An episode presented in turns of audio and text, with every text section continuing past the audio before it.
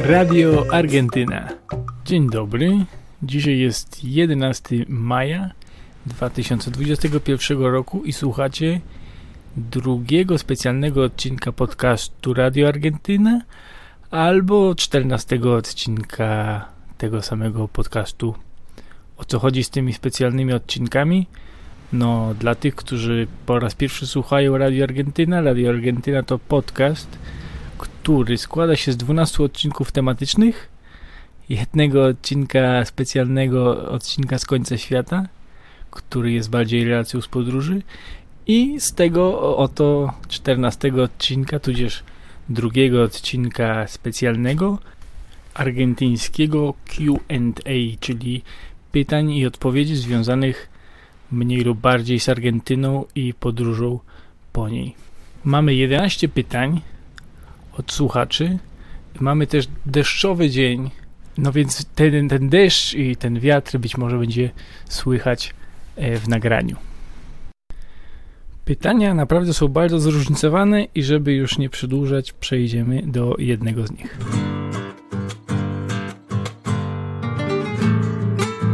Podcast Radio Argentyna, film Por qué el Argentino Viaja i inne inicjatywy dziennikarskie możesz wspierać przez portal Patronite na profilu Fizyk w Argentynie.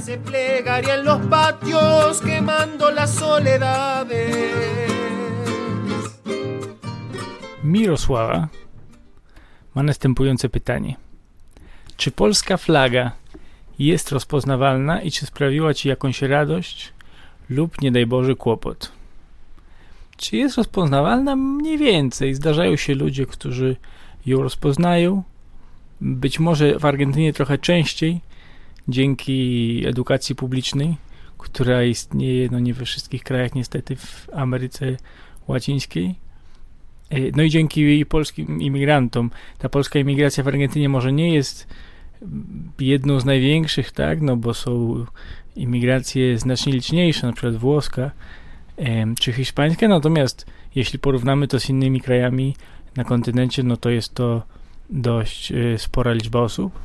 No i zdarza się od czasu do czasu, rzadko, ale się zdarza, no takie bardzo przyjemne sytuacje, jak na przykład jechać e, drogą kamienistą w okolicy w okolicy Lago Guacho, w okolicy Lago Winter e, i zatrzymuje się samochód i, i argentyńską rejestracją i kierowca mówi do ciebie po polsku, bo okazuje się, że jest tam właśnie wnukiem, czy prawnukiem, czy synem polskich imigrantów. No i wtedy zaprasza cię na bigos albo jakieś tam przysmaki, jeśli akurat ma i produkuje. Od pana Tadeusza właśnie, którego spotkałem w okolicach Lago Guacho, dostałem chrzan, jeśli dobrze pamiętam. Tak, a chrzan to przysmak rzadko spotykany w Ameryce Południowej.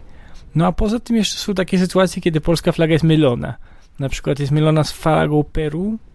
E, flaga Peru jest w miarę podobna, że też ma biały i czerwony kolor, z tym, że to są paski um, ustawione pionowo, czerwony, biały, czerwony. No ale czasem zdarzy się szczególnie jak, jakiś Peruwiańczyk, który powie w Peru, no to, to się bardziej zdarza niż w Argentynie oczywiście. Jest dużo więcej Peruwiańczyków w Peru niż niż w Argentynie. No i mówi ci, no ale przecież to nie jest flaga Peru. Flaga Peru ma jeszcze jeden czerwony pasek. No tak, no to nie jest flaga Peru, to jest flaga Polski. A, a drugi kraj, z którym może być mylona polska flaga, to jest Chile. No bo Chile ma właśnie biało-czerwoną flagę, z tym, że jeszcze ma mały, niewielki, e, niebieski kwadracik z białą gwiazdą. No i ja tej pomyłce zawdzięczam, tak przynajmniej mi się wydaje, to, że na drodze krajowej numer 40, której, która jest pełna właśnie chilijskich ciężarówek, yy, które bardzo, bardzo mi pozdrawiają zawsze. Trąbią, pozdrawiają, machają ręką. I to tak mi się wydaje, że raczej to wynika z pomyłki, yy, że biorą polską flagę za, za flagę chilijską. A problemów raczej nie sprawia. No raczej nie. Yy, mogłaby być może, bo tak się przypadkowo składa, że identyczną flagę biało-czerwoną ma partia polityczna Union Civica Radical, która no nie jest zbyt lubiana, przynajmniej przez jakieś 50% społeczeństwa. Natomiast jej flaga jest y, tak mało rozpoznawalna, znaczy jeszcze mniej rozpoznawalna niż flaga polska, więc raczej nikt sobie sprawy nie zdaje, że to, że to mogłaby być, że mógłbym być sympatykiem tej, tej partii, powiedzmy. Natomiast mi się zdarzyło, y, w szczególności w, w mieście Rio Grande, w ziemi ognistej, że jadę sobie główną aleją, no i widzę z daleka wielkie flagi, duży budynek i wielkie flagi biało-czerwone. I sobie myślę, kurczę, co to będzie jakiś, może jakiś konsulat polski tutaj w Rio Grande? No nie, okazuje się, że to była właśnie lokalna filia Union Civica Radical. Petr ma następujące pytanie. Czy podejście przedstawicieli władz państwowych i lokalnych do podróżnika różni się od podejścia zwykłych ludzi? Czy oprócz przymusowego postoju związanego z lockdownem i kwestiami przepustkowymi zdarzyły Ci się jakieś nieprzyjemności w trasie? No to zależy. Ym, no tu jest takie pytanie, czy różni się od podejścia zwykłych ludzi? Zwykli, zwykli ludzie zależy od zwykłego człowieka. Yy, ci ludzie są bardzo różni znaczy w szczególności w zeszłym roku, czyli na początku pandemii, byli ludzie, którzy rzeczywiście bali się, znaczy podejrzewali, że czekaj, no obcokrajowiec to pewnie będzie miał wirusa. No, no to była taka jeszcze sytuacja, kiedy nie wiedzieliśmy o co chodzi z tym wirusem, czy to po prostu wystarczy, że kogoś zobaczysz, co ma kto ma wirusa i automatycznie umrzesz, czy, czy jak to w ogóle działa, prawda? Natomiast z czasem, jak, jak przekonywaliśmy się, jak, jak to mniej więcej jest, no to y, ta sytuacja, te, te reakcje powiedzmy się uspokajały. Natomiast jak właśnie byłem w Union de los Andes na początku, e, było mi bardzo trudno na przykład znalezienie miejsca na wynajem, bo musiałem coś wynająć, żeby mieszkać. No i ludzie nie chcieli w ogóle, nie, nie, nie chcieli mieć nic wspólnego e, z kimkolwiek, znaczy z obcokrajowcem czy nie, to chyba nie było, nie miało aż tak dużego wpływu, po prostu nie chcieli obcych e, w domu, w domach, nawet w tych właśnie wynajmach, prawda? Woleli zostawić mieszkanie puste, niż wynajmować komuś, kto może tam ma wirusa. Jeśli chodzi o władzę, no to głównym problemem było to, że nie mam y, dowodu osobistego argentyńskiego i to mi uniemożliwiało w pierwszych miesiącach właśnie ubieganie się o specjalne e, pozwolenia na transport. Drogi były zablokowane kompletnie y, i istniały rzeczywiście kontrole na tych drogach nie można było się poruszać teoretycznie, natomiast można było prosić o te specjalne pozwolenia i to było bardzo łatwe. To znaczy jedyna, jedyna tak naprawdę jedyne wymaganie było takie, żeby potrafić y, kłamać w żywe oczy i, i wtedy można było zrobić cokolwiek. Tylko trzeba, trzeba było mieć dowód osobisty. Ja nie miałem dowodu osobistego, więc jakby na wstępie ta droga była dla mnie zamknięta no i musiałem siedzieć y, w Junin de los Andes. Y, potem to się uspokoiło. To znaczy, y, potem w ogóle w, w lecie, w grudniu pojawiły się nowe typy pozwoleń, które ja już jako obcokrajowiec mogłem sobie wyrabiać. Natomiast y, trzeba przyznać, że państwo argentyńskie wszystkim obcokrajowcom, którzy znajdują się na terytorium, przedłuża automatycznie pozwolenie na pobyt.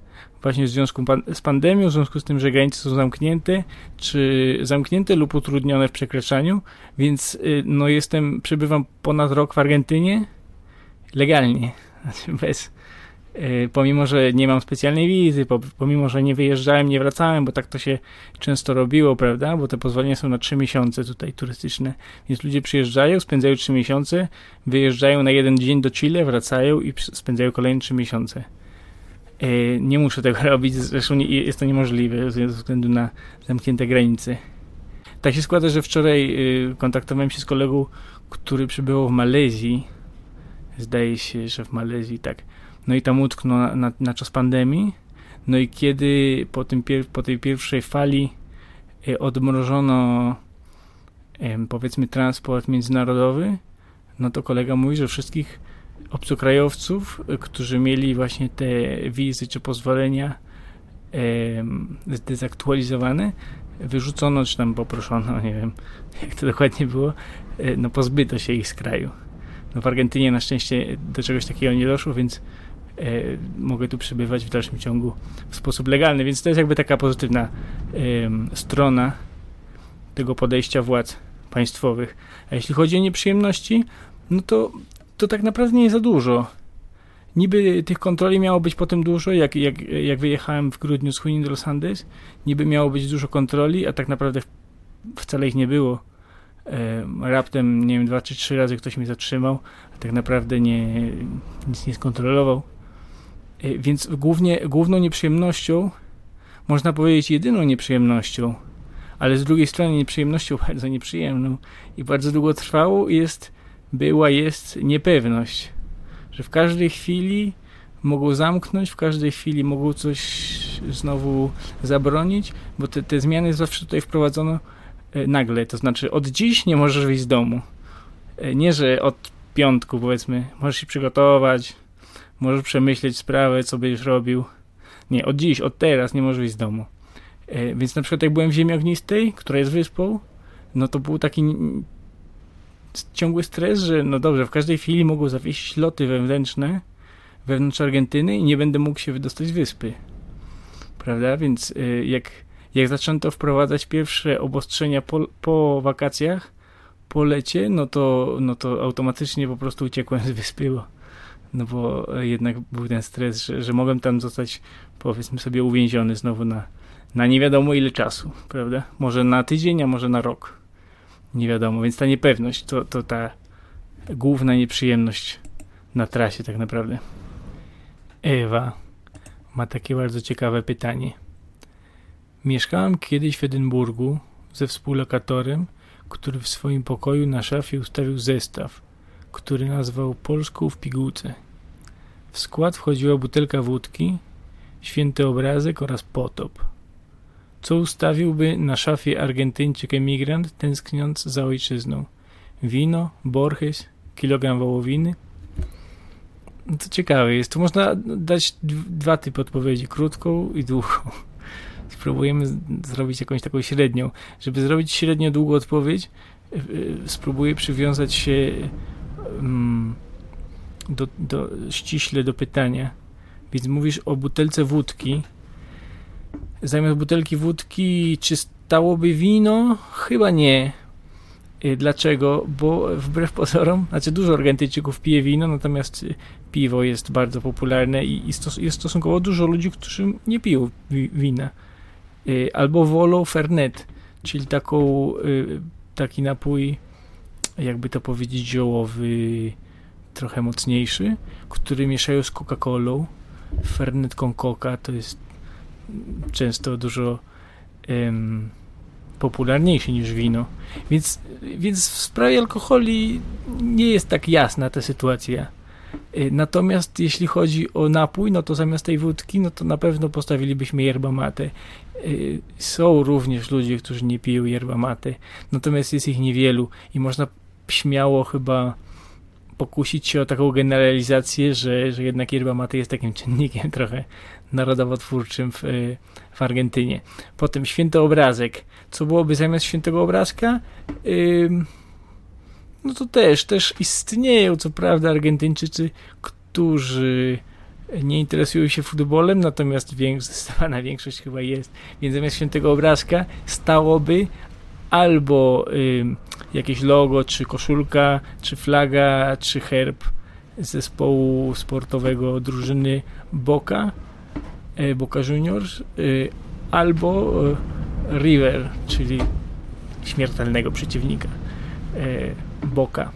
No ale naj, znaczy najciekawsza może jest trzecia część składowa Polski w pigułce. Mówisz o potopie i z drugiej strony podajesz jakby jako pomysł Borgesa. No i tutaj już jakby jest y, dużo trudniej to tak jednos, jednoznacznie odpowiedzieć na to pytanie. Dlaczego? Bo chyba mogę się pokusić, znowu, znowu się pokuszę, ale wy mnie krytykujcie, jak się pomylę bardzo.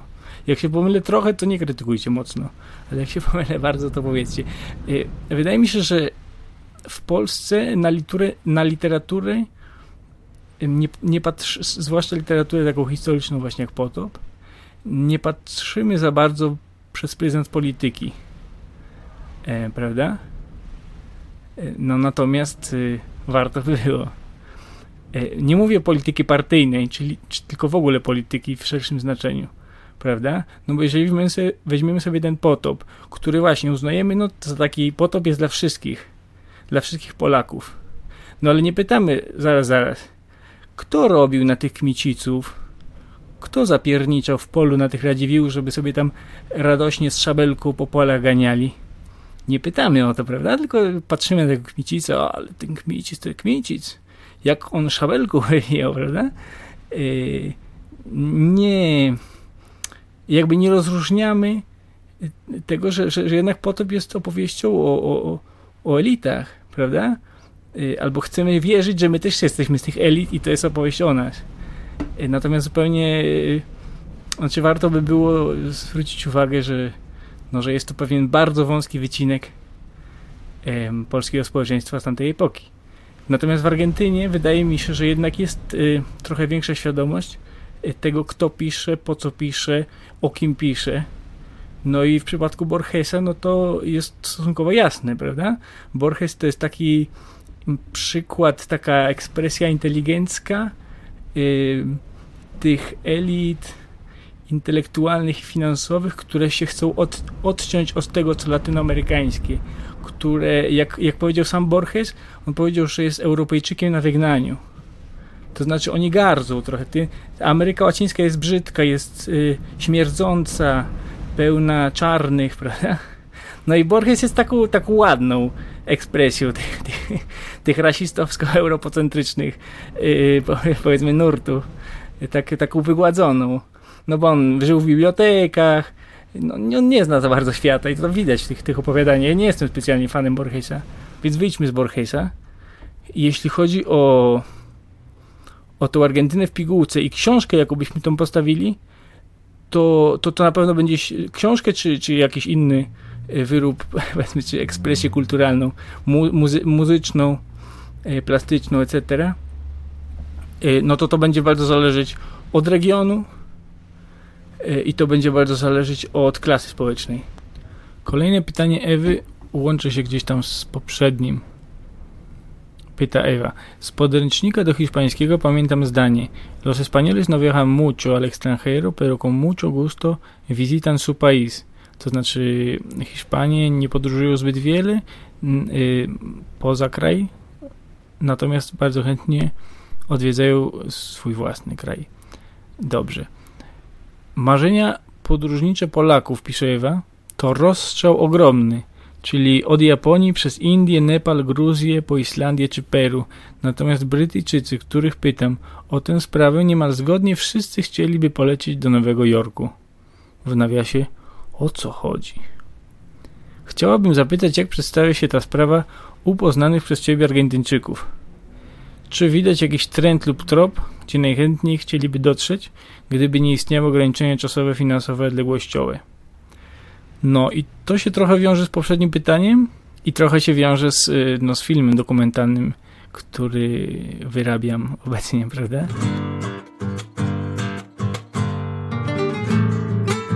Podcast Radio Argentyna, film Porqué el Argentino Viaja i inne inicjatywy dziennikarskie możesz wspierać przez portal Patronite na profilu Fizyk w Argentynie.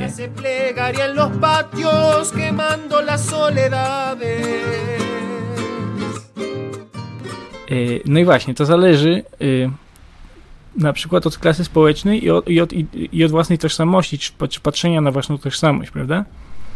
E, no bo z jednej strony mamy właśnie tych ludzi, którzy, którzy z różnych powodów też chcą jechać do Europy. Z różnych powodów. Dlaczego? Bo może być to powód taki dość naturalny, y, który wiąże się z, z, historią rodziny, prawda? No mam dziadka, nie wiem, czy dziadek był z Włoch, dziadek był z Polski, babcia była z Ukrainy, y, czy, czy skądś tam i, i chciałbym, interesuje mnie pojechać i, i, poznać to miejsce, żeby może lepiej zrozumieć własną historię, prawda? Y, natomiast są ludzie, którzy ten wyjazd do Europy traktują bardziej ideologicznie powiedzmy, to znaczy tak jak Borges trochę, jak, tak jak opowiadałem o Borgesie ym, uważają, że, że, że Ameryka Łacińska to jest coś brudnego, coś nieodpowiedniego, że oni w ogóle się urodzili w nieodpowiednim miejscu. Oni powinni być, byli się urodzić w Europie, że to jest ich właściwe miejsce. No więc marzą właśnie do, o wyjeździe do Paryża, o wyjeździe do Rzymu, o wyjeździe do Londynu, um, o wyjeździe do Miami czy Nowego Jorku. Y, która, no, który to, ten, te Stany Zjednoczone są jakby częścią tego, tego zachodu, prawda? Chociaż no, tak, tak w sumie to Europa leży na wschód od Ameryki Południowej, a jednak jest zachodem. No, tak, tak to już jakoś jest. Y, więc mamy tych ludzi, którzy, by, którzy mają takie cele. Z drugiej strony jest y, jakby po, po przeciwnym stronie, po przeciwnej stronie, na drugim biegunie leżą ci, którzy właśnie szukają um, własnych korzeni czy własnej tożsamości w ludności rdzennej, w kulturach rdzennych y, Ameryki Południowej y, i wybierają się do miejsc związanych lub do miejsc, które wydaje im się, że, że są związane bardziej niż inne z, y, z, kulturą, z kulturami rdzennymi. Stąd spotkacie wielu Argentyńczyków, którzy właśnie marzą o wyjeździe do Boliwii, do Peru, czy na południe Meksyku, ewentualnie do Gwatemali, y, prawda? To były takie dwa bieguny. No i między tymi biegunami oczywiście jest dużo dużo różnych stanów przejściowych, powiedzmy. No i też jest taka istotna grupa, bardzo duża też, trzeba powiedzieć, ludzi, którzy właśnie uwielbiają jeździć po Argentynie y, z różnych względów, prawda? Ze względów tożsamościowych znowu, czy ze względów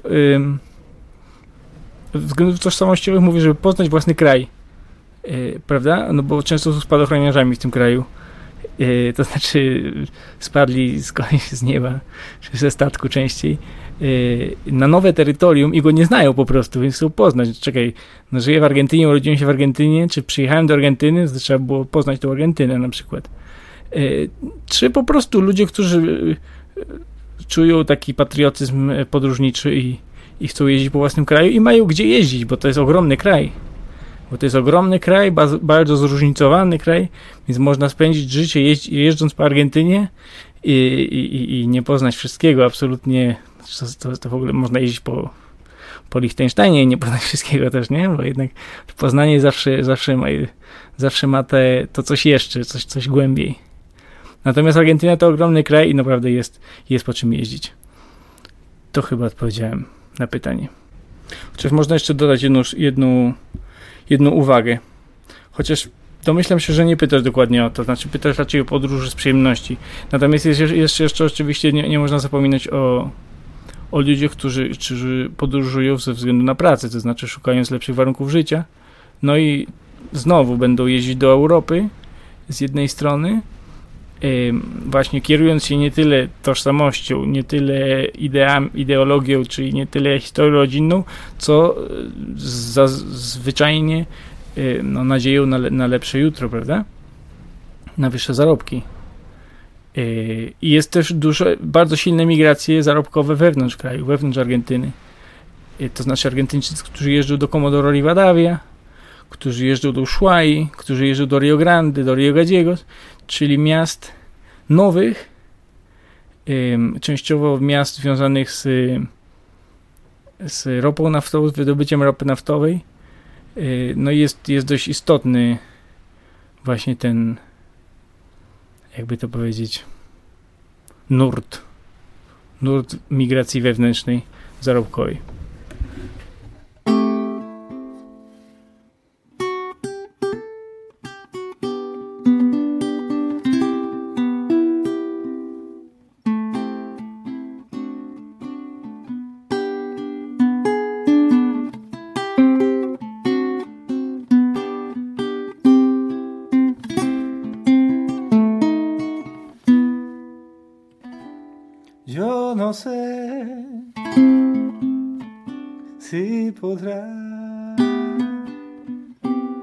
Esta samba llegará a usted.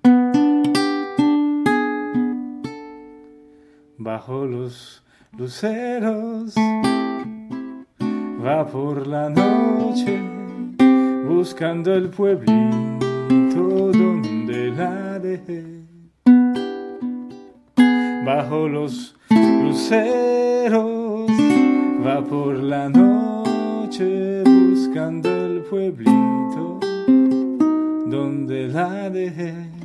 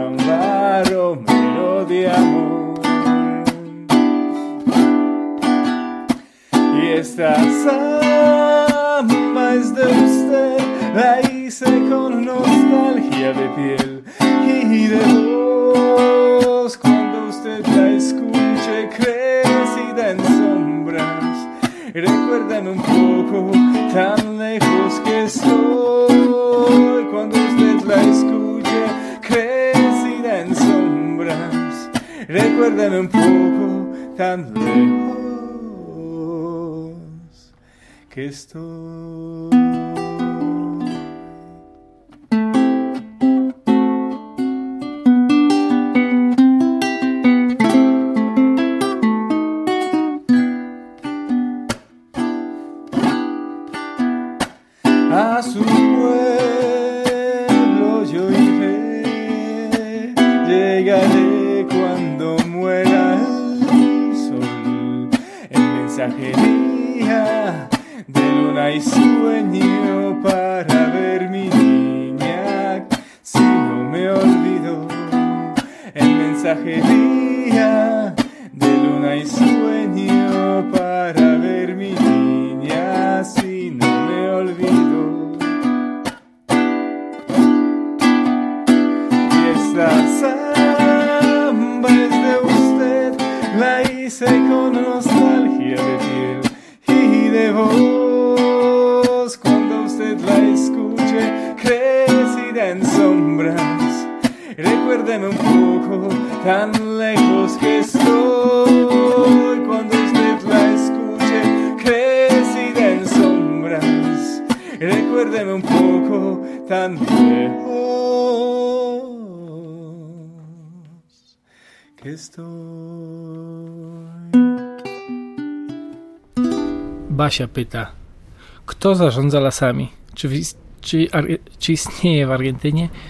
coś ala lasy państwowe?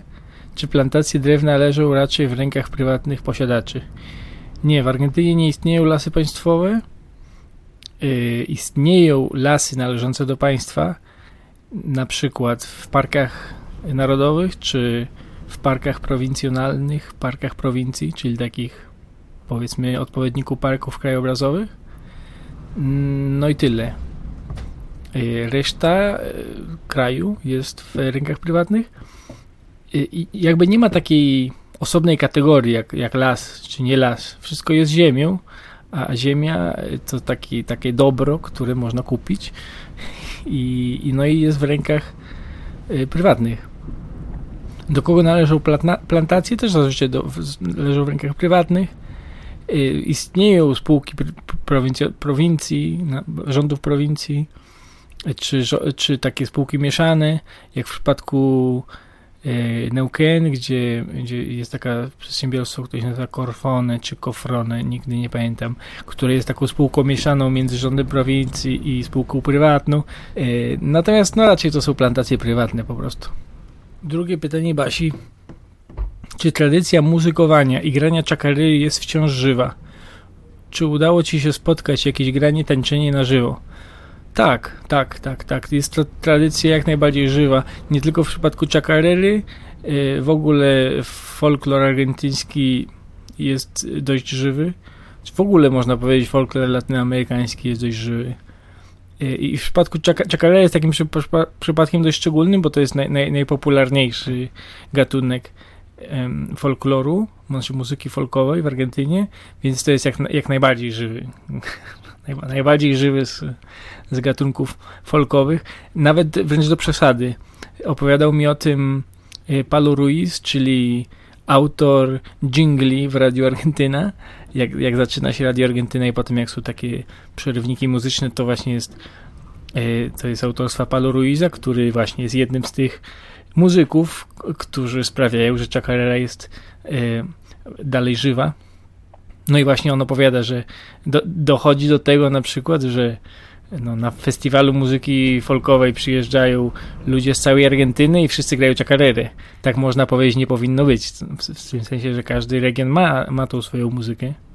Natomiast chacarera jest y, silniejsza. jest silniejsza i bierze górę. Więc tak, jak najbardziej i no szczególnie w Santiago del Estero jest to tradycja bardzo żywa. Santiago del Estero, czyli ten region najbardziej swój, najbardziej, znaczy gdzie tradycje są rzeczywiście regionalne, a nie przywiezione z zewnątrz, czy, czy nie są jedynie wpływami zewnętrznymi, tylko jest, jest to coś e, rzeczywiście swojego. No i tam jak najbardziej są takie granie i tańczenie e, na żywo. E, jest to coś, coś bardzo, bardzo powszechnego i, i co się jak to się mówi? Co się potem roznosi po kraju, razem z tą migracją wewnętrzną, o, którym, o której mówiłem, bo jednocześnie Santiago del Estero, czy w ogóle e, ten region północno-zachodni, no jest raczej uboższą częścią Argentyny, więc ci ludzie migrują tak na południe, jak i na wschód, em, czy do środka, czy do centrum Argentyny. Centrum i wschód to będzie wyjazdy na, na żniwa, e, a w przypadku południa no to są wyjazdy do pracy w fabrykach w ziemi ognistej, albo e, w, przy, w górnictwie i, i przy ropie naftowej w Chubut czy w Santa Cruz. No i oni tam jeżdżą i, i zawożą ze sobą tą czakarelę i, i, też to tam tańczą i też ją tam grają. I też tam potem jeżdżą muzycy, e, żeby im tam grać. Więc jest to tradycja jak najbardziej żywa, szczęśliwie.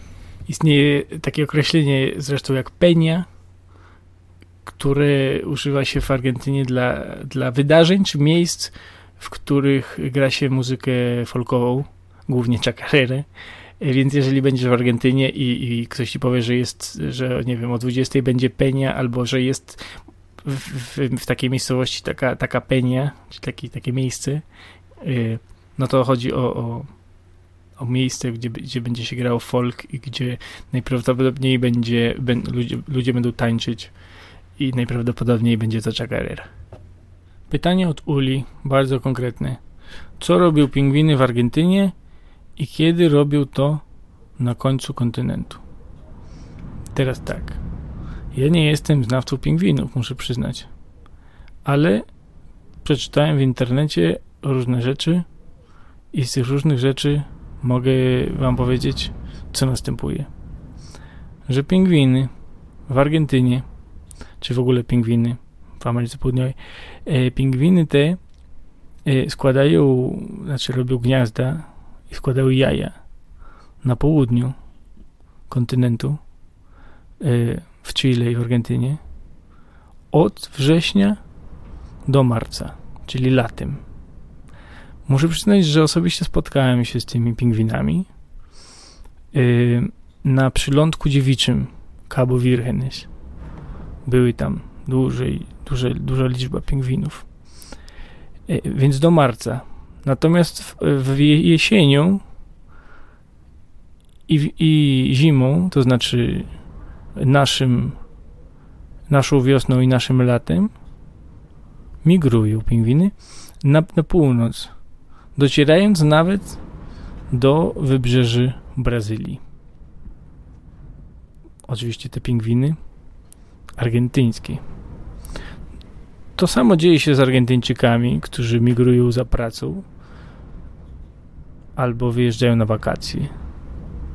Zimą migrują i mogą nawet dotrzeć do Brazylii i spotkać się z pingwinami. Sympatyczne te pingwiny, muszę wam powiedzieć. Bardzo to była przyjemna wizyta w Cabo Virgenes. E, malutkie są pingwiny, dużo ich było, patrzyły się na mnie. Zrobiłem ich parę zdjęć. Więc y, resum, y, tak podsumowując, jeżeli ktoś chce zobaczyć te pingwiny, ja je widziałem w styczniu, natomiast według tego, tych informacji, które tutaj znalazłem, to można te pingwiny spotkać na południu Argentyny od września do marca. Ewa pyta. Masz całkiem pokaźną kolekcję rewelacyjnych zdjęć, pisze Ewa, z tej podróży. Czy masz wobec niej jakieś plany, wystawy, album? Ja wiem, czy te zdjęcia są takie rewelacyjne. Przede wszystkim nie wiem, czy, czy, czy te zdjęcia jakby bronią się same. To znaczy, czy są czymś więcej niż w miarę estetyczna ilustracja do opowieści, do tekstów, ewentualnie jakaś, jakaś, jakiś dodatek do, do nagrań wideo. Nie wiem, czy same w sobie stanowią wartość, prawda? Czy, czy, transmitują jakąś opowieść, jakąś informację. Oprócz, nie wiem, estetyki, jakiejś takiej wymiary. Nie wiem, tak naprawdę. W sumie to jakoś nie myślę specjalnie o tych zdjęciach, chociaż z drugiej strony rzeczywiście jest ich sporo i coś tam by się znalazło ciekawego. Prawda? Natomiast nigdy jakby nie, nie myślałem o sobie jako fotografii. No, robię zdjęcia, mam aparat, robię zdjęcia. I, natomiast jakby, tak mi się wydaje, w środku Wojtku, że, że zajmuje się bardziej pisaniem, czy, te, czy ostatnio, w ostatnich latach nagrywaniem tych wywiadów, prawda? E, no nie wiem w sumie, co z tymi zdjęciami tak naprawdę. Coś trzeba by z nimi zrobić chyba. Może, nie wiem. Nie, nie mam pomysłu jakiegoś takiego jasnego. E, I też nie wiem, czy, czy ktośkolwiek byłby zainteresowany odbiorem takich zdjęć w jakikolwiek sposób. Ale jeżeli Ewo masz jakiś pomysł, to oczywiście wiesz, że ty masz dobre pomysły. Na przykład, nie wiem, czy wszyscy wiedzą, ale podcast Radio Argentyna to jest chyba pomysł Ewy, jeśli dobrze pamiętam. E, wypłynął z jakiejś takiej sugestii chyba, e, z której z którejś z rozmów z Ewą, z czytelniczką, słuchaczką Ewą. E, no, więc jakby miała Ewa jakiś znowu fantastyczny pomysł, to daj znać, to go zrealizujemy po prostu i już. Ewa pyta, Sytuacja, w której właściciele ziemscy odgradzają, ogradzają sobie niewykorzystane poletko, w cudzysłowie, wielkości całego powiatu, a ludność rdzenna nie ma gdzie się podzieć, mocno mnie bulwersuje i wkurza. Chciałbym, za, chciałabym zapytać, czy istnieją pomysły na zmianę tej sytuacji, jak ty sam rozwiązałbyś ten problem. W nawiasie, wiem, że to temat rzeka, ale problem nie pojawił się wczoraj, ale ciekawa jestem, jakie rozwiązanie widzisz. No to prawda, to jest temat rzeka. I to jest jakby, ta, wydaje mi się, że to jest taki centralny temat w ogóle argentyński. Yy, można powiedzieć, że w ogóle kontynentalny, południowoamerykański, no ale w szczególności argentyński. Yy, I to jest temat, który w ogóle ukształtował kraj, jego gospodarkę, jego politykę w dużej mierze, prawda?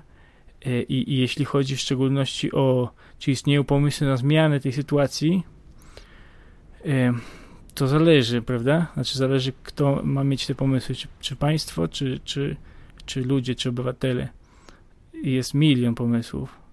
Natomiast zawsze, jeśli chodzi o stronę państwową, to zawsze jest jednak to bardzo wyraźne la tierra no se toca, to znaczy możemy, czyli ziemi się nie dotyka, sytuacja ziemi pozostaje bez zmian. Co mam na myśli? Że są takie różne kosmetyczne jakieś takie zabiegi w stylu przywracanie geograficznych nazw związanych z nazewnictwem ludności rdzennej, jakieś tam lekcje, jedna godzina języka y, Mapuche, czy no tego rodzaju jakieś takie symboliczne, prawda? Y, wyciąganie ręki w stronę ludności rdzennej, czy ja bym jednak to nazwał jako taka, taka zasłona dymna E, albo jakieś takie kredyty na, dla małych przedsiębiorców e, z regionów po prostu dotkniętych ubóstwem, bla, bla, bla. Ale ziemi się nie dotyka.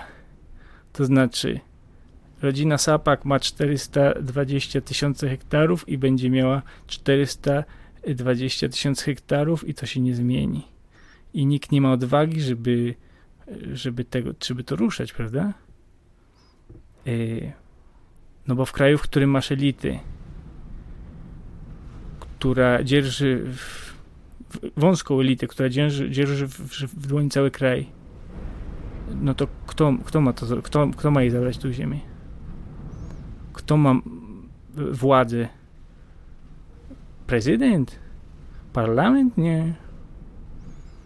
Trzeba dodać, że, bo to czasem są takie pytania, powiedzmy czasem się tego nie rozumie, prawda? No bo są ludzie, którzy powiedzieli, no tak, mają 420 tysięcy hektarów, bo ciężko na to pracowali. Czekaj, czekaj, czekaj. Naprawdę uważasz, że ciężką pracą możesz y, dojść do 420 tysięcy hektarów? Y, ja, to, ja odpowiem, nie. nie, to, to, to, to, nie, to, nie, to nie tak. Ci ludzie mają takie ilości ziemi y, zazwyczaj z dwóch względów po pierwsze, bo uczestniczyli, czy tam ich przodkowie uczestniczyli w masowych mordach y, na ludności rdzennej lub byli u władzy podczas gdy dokonywały się mordy masowe na ludności rdzennej lub kupili ziemię od, od takich ludzi, prawda? No i to jest właśnie skomplikowane potem, bo, bo potem mówią ci, no tak, ale przecież ja tą ziemię kupiłem. No tak, kupiłeś tą ziemię, tylko że to jest zrabowana ziemia. To tak jak y, Ewo, czy każdy inny słuchaczu, ale skoro pytała Ewa, to powiemy e, Ewo, Ewo. To tak jakbym ja zabił sąsiada, prawda? Ja, zabiję, ja zabijam sąsiada, y, przejmuję jego samochód i potem ty kupujesz ode mnie samochód i mówisz, no, no, ale przecież ja zapracowałem ten samochód. No tak, zapracowałaś i zapłaciłaś mi te pieniądze, tylko że to, to w dalszym ciągu jest kradziony samochód, y, który po prostu został ukradziony po morderstwie na sąsiedzie, no. Yy, no więc taka jest sytuacja z tą ziemią i to jest bardzo trudna sytuacja. I to nie chodzi tylko o ludność rdzenną, to trzeba, to trzeba bardzo wyraźnie zaznaczyć, że, że um, problem z dostępem do ziemi w Argentynie nie ma jedynie ludność rdzenna. Yy, ten podział, ten konflikt nie jest stricte konfliktem etnicznym. Yy, to znaczy klasy niskie, potomkowie Europejczyków mają ten, dokładnie ten sam problem, prawda? Mają powiedzmy inne prawa, czyli inne, inną historię, jeśli chodzi o dostęp do tej ziemi, bo to powiedzmy nie jest ich ziemia, jeśli chcemy tak to widzieć. Y, natomiast mają dokładnie tą samą sytuację, to znaczy nie mają szans na, na dostęp do ziemi, prawda?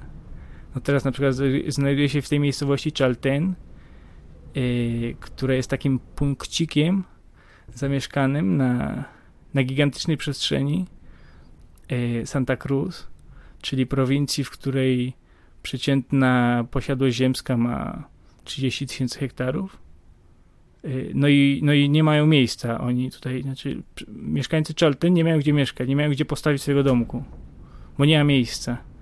E, tutaj możesz wejść na górę obok miasteczka i, i zrobić sobie taki obrót 360 stopni i po horyzont nie ma nic. Jest pusto. Jest pusta przestrzeń ale prywatne. Więc mówią ci, nie ma miejsca. E, I jakie jest rozwiązanie? No nie, no nie wiem, przepraszam. Dla mnie jedyne rozwiązanie to jest wojna domowa tutaj. Bo, bo, bo nikt tej ziemi dobrowolnie nie odda. Nikt tej ziemi dobrowolnie nie chce oddać. W zeszłym roku i, i tak z tego, co, co słyszałem, to, to raz na jakiś czas wychodzi ten czy inny prezydent z ogłoszeniem w rodzaju no będziemy tutaj y, redystrybuować ziemię, robić reformę rolną, ale to się nigdy nie dzieje. Albo się dzieje w jakimś takim super miniaturowym, miniaturowej skali. Y, I zawsze tak było. Ostatnio przeczytałem o sytuacji w, w Dolinie Rio Negro. To jest taka żyzna dolina w północnej Patagonii gdzie się uprawia winogrona, brzoskwinie, jabłka i tak dalej.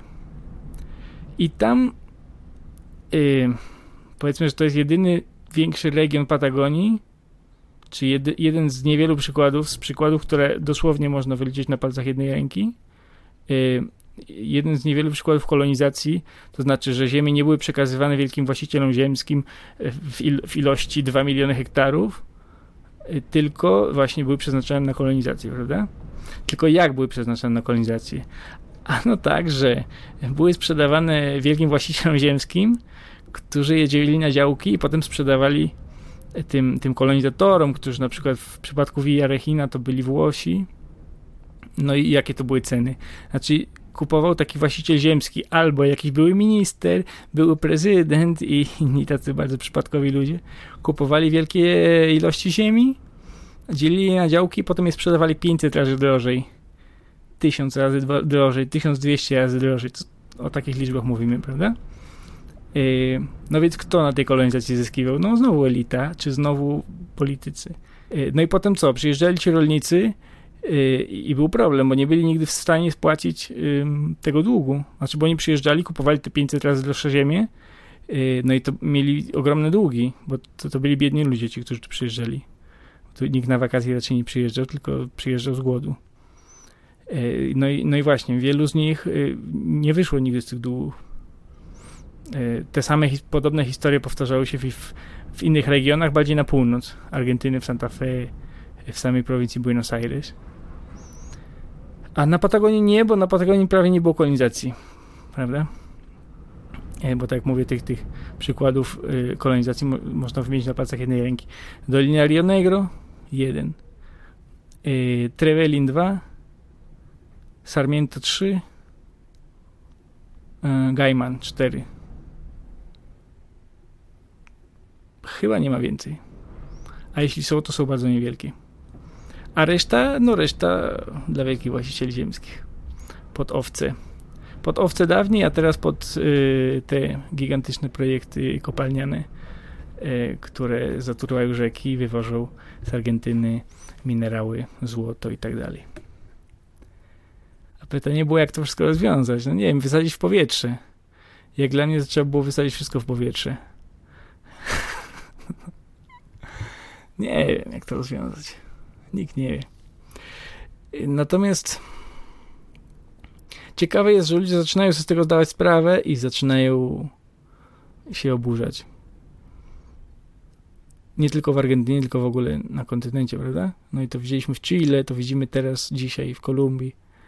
Ludzie zaczynają się zdawać sprawę, że no tak nie może być.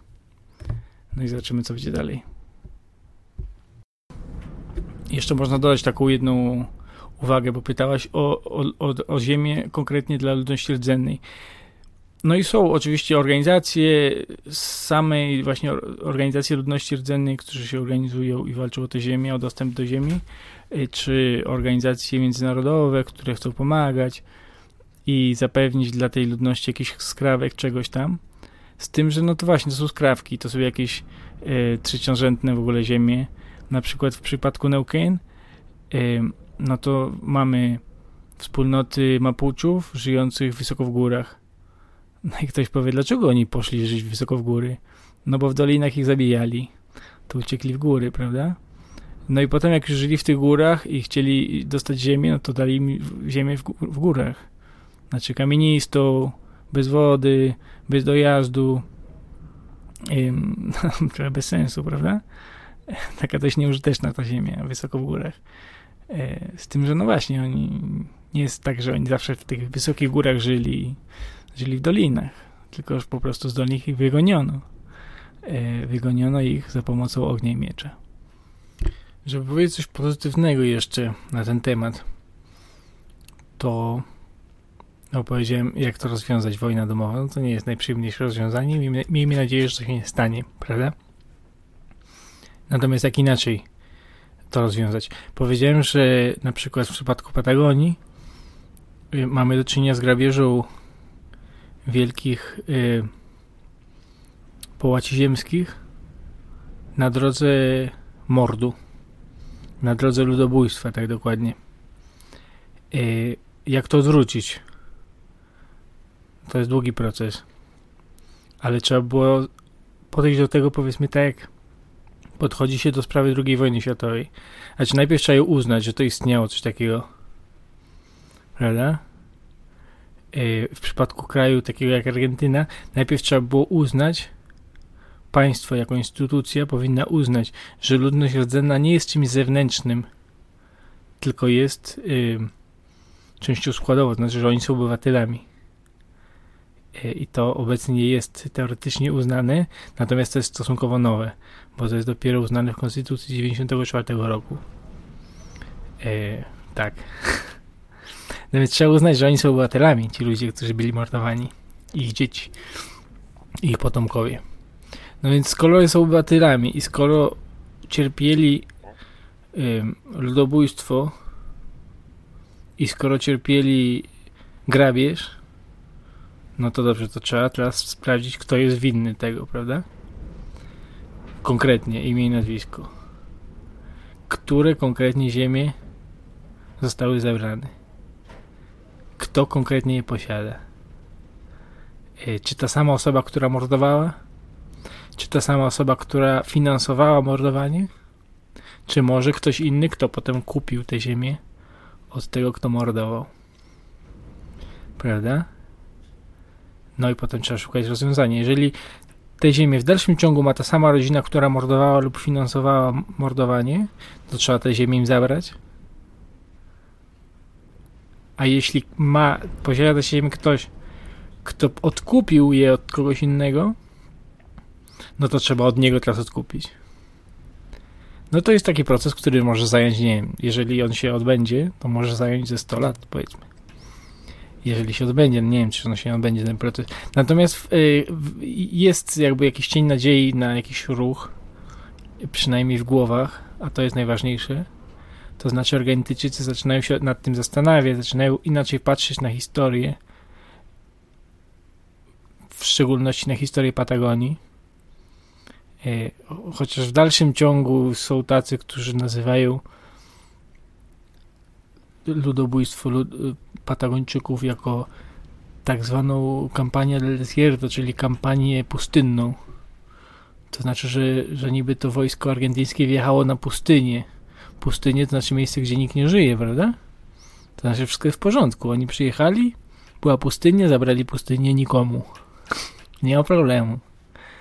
No i tak nie było. No. I trzeba zacząć to, na to patrzeć w ten sposób, prawda? Co, co rzeczywiście zdarzyło się w, y, pod koniec XIX wieku. Y, natomiast y, to, to zaczynają, zaczynają się tym interesować ludzie, którzy mieszkają na, w Patagonii albo jakoś nam się interesują Patagonią. Natomiast na północy Argentyny, Argentyny jednak to jest dość nieznane. Znaczy ludzie nie mają za bardzo tym pojęcia. Jeżeli, nie wiem, spytasz kogoś w Tukumanie czy w Salcie, co się stało z Patagonią, kto zrabował Patagonię, no to ci powiedzą, no to Hiszpanii, kolonizatorzy hiszpańscy. Nie, zupełnie, zupełnie nie. Zupełnie nie. To się zdarzyło zupełnie niedawno i, i, i odpowiedzialne jest za to państwo argentyńskie. I Argentyńczycy, i, i oligarchia argentyńska. Oligarchia, oligarchia ziemska argentyńska. Bo to, to chodzi o, o, o ludobójstwo finansowane przez e, Asociación Rural Argentina, czyli Stowarzyszenie Ziemskie, powiedzmy. Stowarzyszenie Wielkich Właścicieli Ziemskich, którzy sfinansowali ludobójstwo, żeby potem przejąć te wszystkie ziemie. E, no i trzeba było to jakoś zrewizować. Seweryn pyta. Czy sytuacja gospodarcza, polityczna i terytorialna pomiędzy Argentyną a Chile jest faktycznie napięta? Jeżeli odpowiedź jest twierdząca, to jaki jest stosunek społeczeństwa do całej sytuacji i czy jest możliwa poprawa relacji? Co myśli przeciętny obywatel argentyński o swoim sąsiedzie z zaprzysłowiowej miedzy? Mm, dobrze, to jest złożone. Natomiast powiedzmy, że jakby, jakby zaranie konfliktu to jest wiek XIX i sytuacja, w której tak Chile, jak i Argentyna pędziły na południe, żeby właśnie zagarnąć jak najwięcej ziemi. E, no i potem właśnie były rozmowy, jeszcze do niedawna, e, na temat granicy, jak ma być granica między Chile i Argentyną. No i to był taki, był, był i pozostaje taki główny punkt sporny, y, ale ten, ten punkt sporny nie wywołuje takich emocji w społeczeństwie, wydaje mi się, przynajmniej z tego, co, co, co, co się słucha, prawda, od ludzi. Y, dużo istotniejszy jest, dużo istotniejsza, istotniejszą kwestią jest wojna o, o Falklandy, o Falklandy Malwiny między Argentyną i Wielką Brytanią, kiedy Chile pomaga Brytyjczykom e, informacjami i, i, i, jakby udzieleniem czy pozwoleniem na, na użytkowanie lotnisk na terytorium Chile. No i o tym Argentyńczycy, o tym taki, taki właśnie standardowy, przeciętny obywatel argentyński bardzo dobrze pamięta. Nie mówię, że wszyscy, nie mówię, że tak ogólnie jest, ale generalnie jest taka e, tendencja, że Chilijczyk to jest e, zdrajca prawda? Zdrajca w tym sensie, że zdradza lojalność regionalną i pomaga, i zamiast pomóc sąsiadowi, pomaga y, potencji zewnętrznej. I o tym się pamięta bardzo. Więc y, to wywołuje rzeczywiście y, napięcie i, i, i negatywną, negatywne nastawienie samych Argentyńczyków. Natomiast wracając do kwestii terytorialnej, no to to jest kwestia w rodzaju, czy spór, właśnie spór, który też niektórzy pamiętają, czy pojawia się gdzieś e, w dyskursach politycznych ewentualnie, raczej nie obecnie, nie? ale mógłby się pojawić. No to, to jest taki ewentualny niesmak, że oni mi coś zabrali, że Argentyna coś zabrała Chile, albo Chile coś zabrało Argentynie. No tak naprawdę, jak y, na pewno już zdążyliście, mam nadzieję, sobie wyrobić jakąś taką opinię, tak naprawdę to nikt nie, nic nie zabrał, ani Chile, Argentynie, tylko Argentyna i Chile zabrały, czy przynajmniej wymordowały ludność y, Patagonii, a potem ograbiły ją totalnie y, z terytorium, prawda? Więc to jest trochę tak, wcześniej dam, dawałem przykład zamordowania sąsiada i sprzedaży jego auta. To teraz wyobraźmy sobie, że ja, że ja i, i ty, ja albo ja i, i, Tomek, powiedzmy, że jestem ja i Tomek i idziemy zamordować sąsiada. Sąsiad ma trzy samochody, powiedzmy, prawda? Yy, mordujemy sąsiada razem z Tomkiem i, i potem ja kradnę dwa samochody, a Tomek jeden samochód. I potem Tomek mówi, ej, Wojtek, ty mi zabrałeś samochód. A, a Tomek na przykład wziął tylko jeden samochód, ale wziął też motor a sąsiad miał tylko jeden motor, więc ja mówię Tomkowi, ej Tomek, zabrałeś mi motor. No to no zdajcie sprawę, że to nie chodzi o to, że Tomek mi zabrał motor, albo ja Tomkowi za, za, zabrałem samochód, tylko obaj y, zabraliśmy to wszystko sąsiadowi, którego najpierw żeśmy zamordowali. Więc y, taka jest y, historia Patagonii. Y, natomiast ten właśnie ten dyskurs, że Argentyna coś zabrała Chile, czy Chile zabrała Argentynie, to jest dyskurs polityczny związany z tym, że każdy chce udowodnić, udowodnić, że gdzieś tam ma większe prawo do. Na jakiej podstawie? Na żadnej. Tak w skrócie to na żadnej podstawie, prawda? E, natomiast właśnie te konflikty, jeśli chodzi o konkretne punkty, e, konkretne konflikty, no to na przykład właśnie tu gdzieś przebywam teraz El Chalten, no to Chilijczycy zrobili drogę do Chalten, prawda? Uznając, że to jest ich w latach 80. Więc Argentyńczycy stwierdzili, no, no dobrze, założymy miasteczko. Generalnie Argentyńczycy, Argentyńczycy nie lubią zakładać miasteczek w Patagonii, bo Patagonia, bo jak powiedzieliśmy, tierra no, la tierra no se toka, ziemi się nie dotyka, ziemia, ziemia należy do yy, latyfundystów. No ale dobrze, no to założymy takie małe miasteczko, takie niewielkie, takie maciupeńkie, żeby za bardzo nie drażnić latyfundystów, nie robić im jakby konkurencji no ale z drugiej strony, żeby pokazać Chilijczykom, że słuchajcie, to jest nasze, bo tu mamy miasteczko. No i tak się zrodziło Alcialten. Podobnie, nie tak podobnie, ale analogicznie można powiedzieć, ma się sytuacja z Puerto Almansa. E, może e, jak słuchaliście w poprzednim odcinku e, Radio Argentyna, Puerto Almansa to jest miejscowość najbardziej, najbardziej wysunięta na południe Argentyny.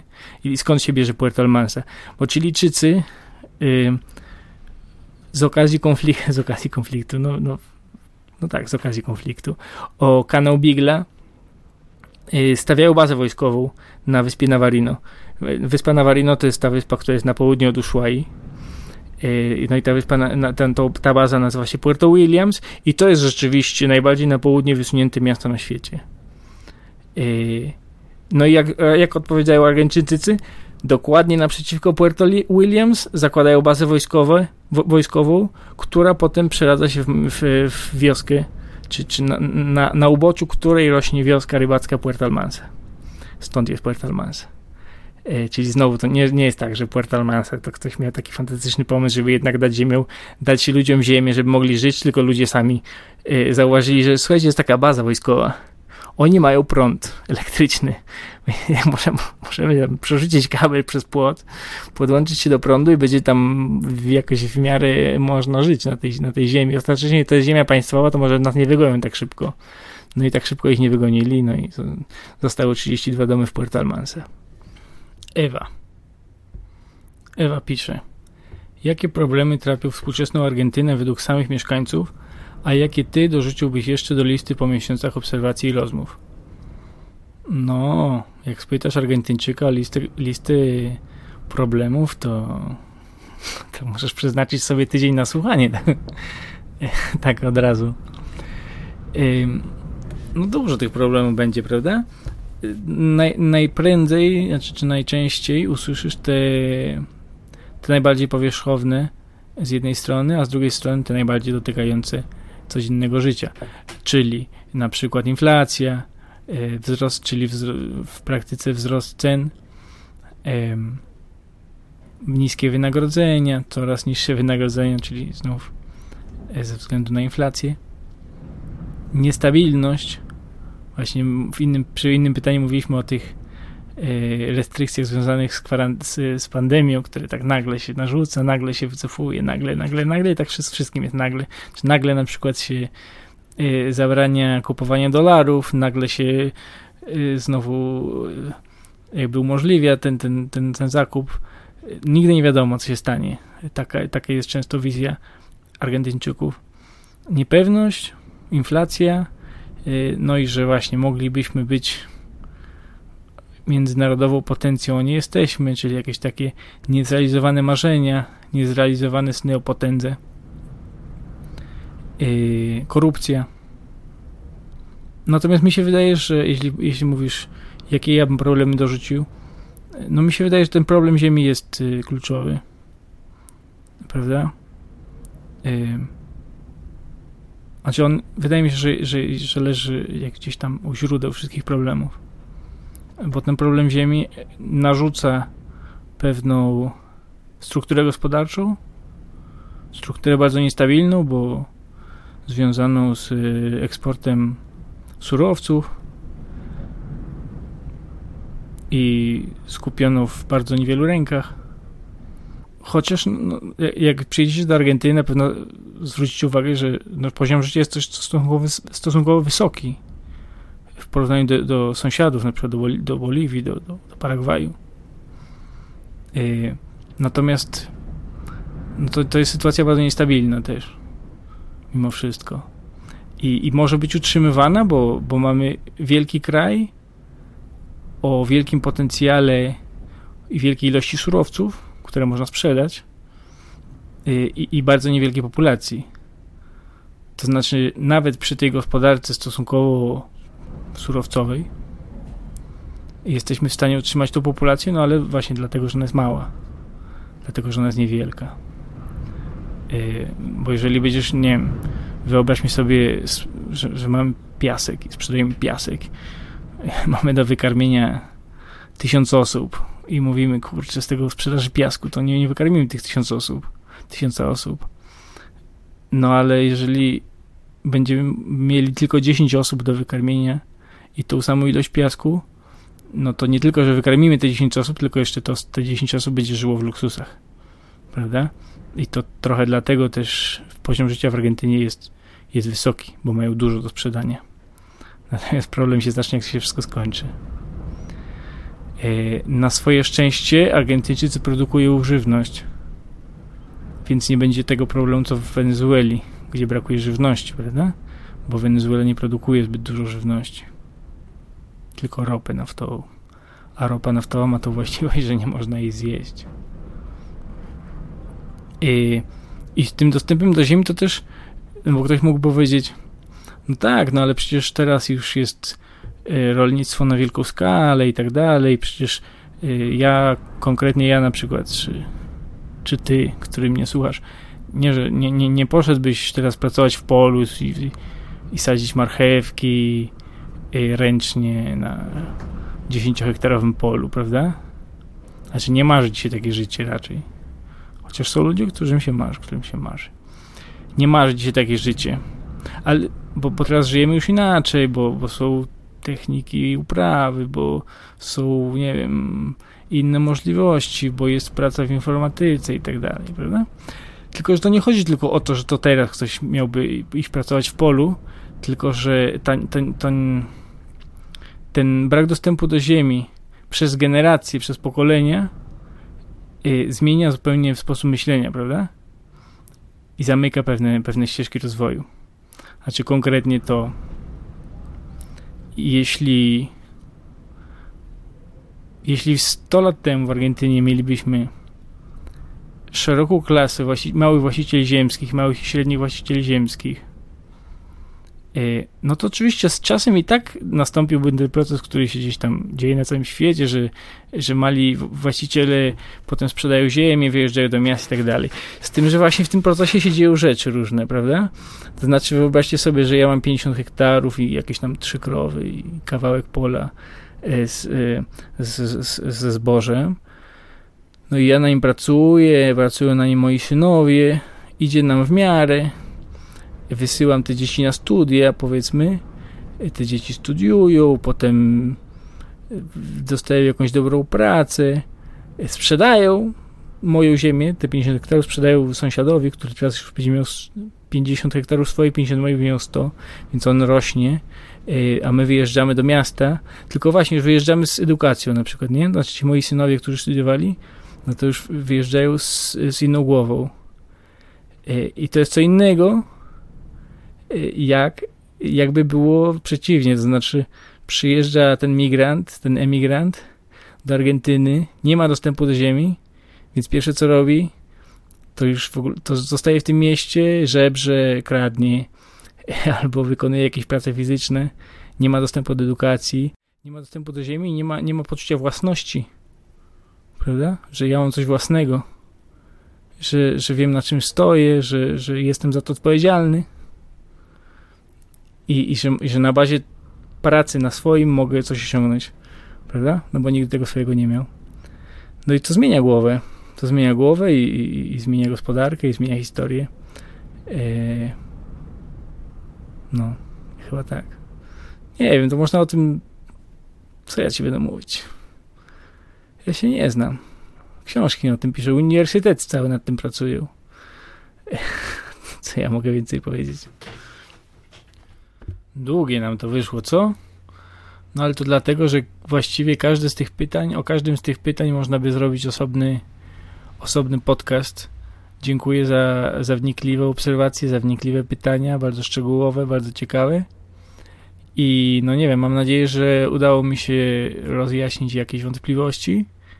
Jeśli nie, to z jednej strony można poszukać jeszcze w, w poprzednich odcinkach podcastu, bo niektóre z tych kwestii, które dzisiaj poruszyliśmy, były omawiane e, w tematycznych odcinkach podcastu Radio Argentyna. No a z drugiej strony oczywiście zapraszam do pytań, do dalszych pytań w komentarzach, czy, czy na blogu, czy gdziekolwiek e, i będziemy dalej próbować odpowiadać na, na te pytania.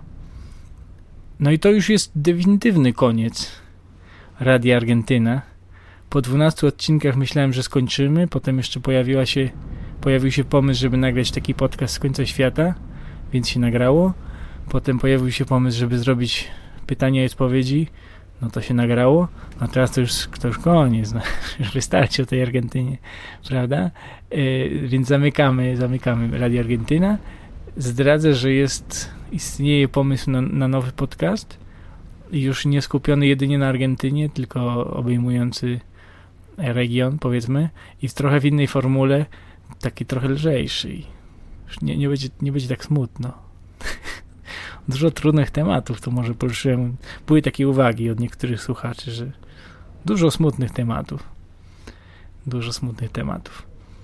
No więc ten nowy podcast, jeżeli się pojawi, a chyba się pojawi za jakiś czas, e, będzie trochę lżejszy, trochę bardziej muzyczny i mam nadzieję, że, że się Wam spodoba również, prawda? No, to tyle. Przestało padać chyba na chwilę. Przestało też tak strasznie wiać, więc to dobry moment, żeby zakończyć to gadanie. Trzymajcie się i dziękuję bardzo za, za Wasz aktywny udział w, w powstawaniu podcastu Radio Argentyna. Jeżeli macie kogoś, kto, kogo mógłby zainteresować ten podcast, to mu podeślijcie tam linki. I no i tyle. Mam nadzieję, że, że jeszcze będzie słuchany kiedyś ten, ten podcast. Zostanie gdzieś tam w internecie jako taka e, jako taka maleńka, maleńki przyczółek do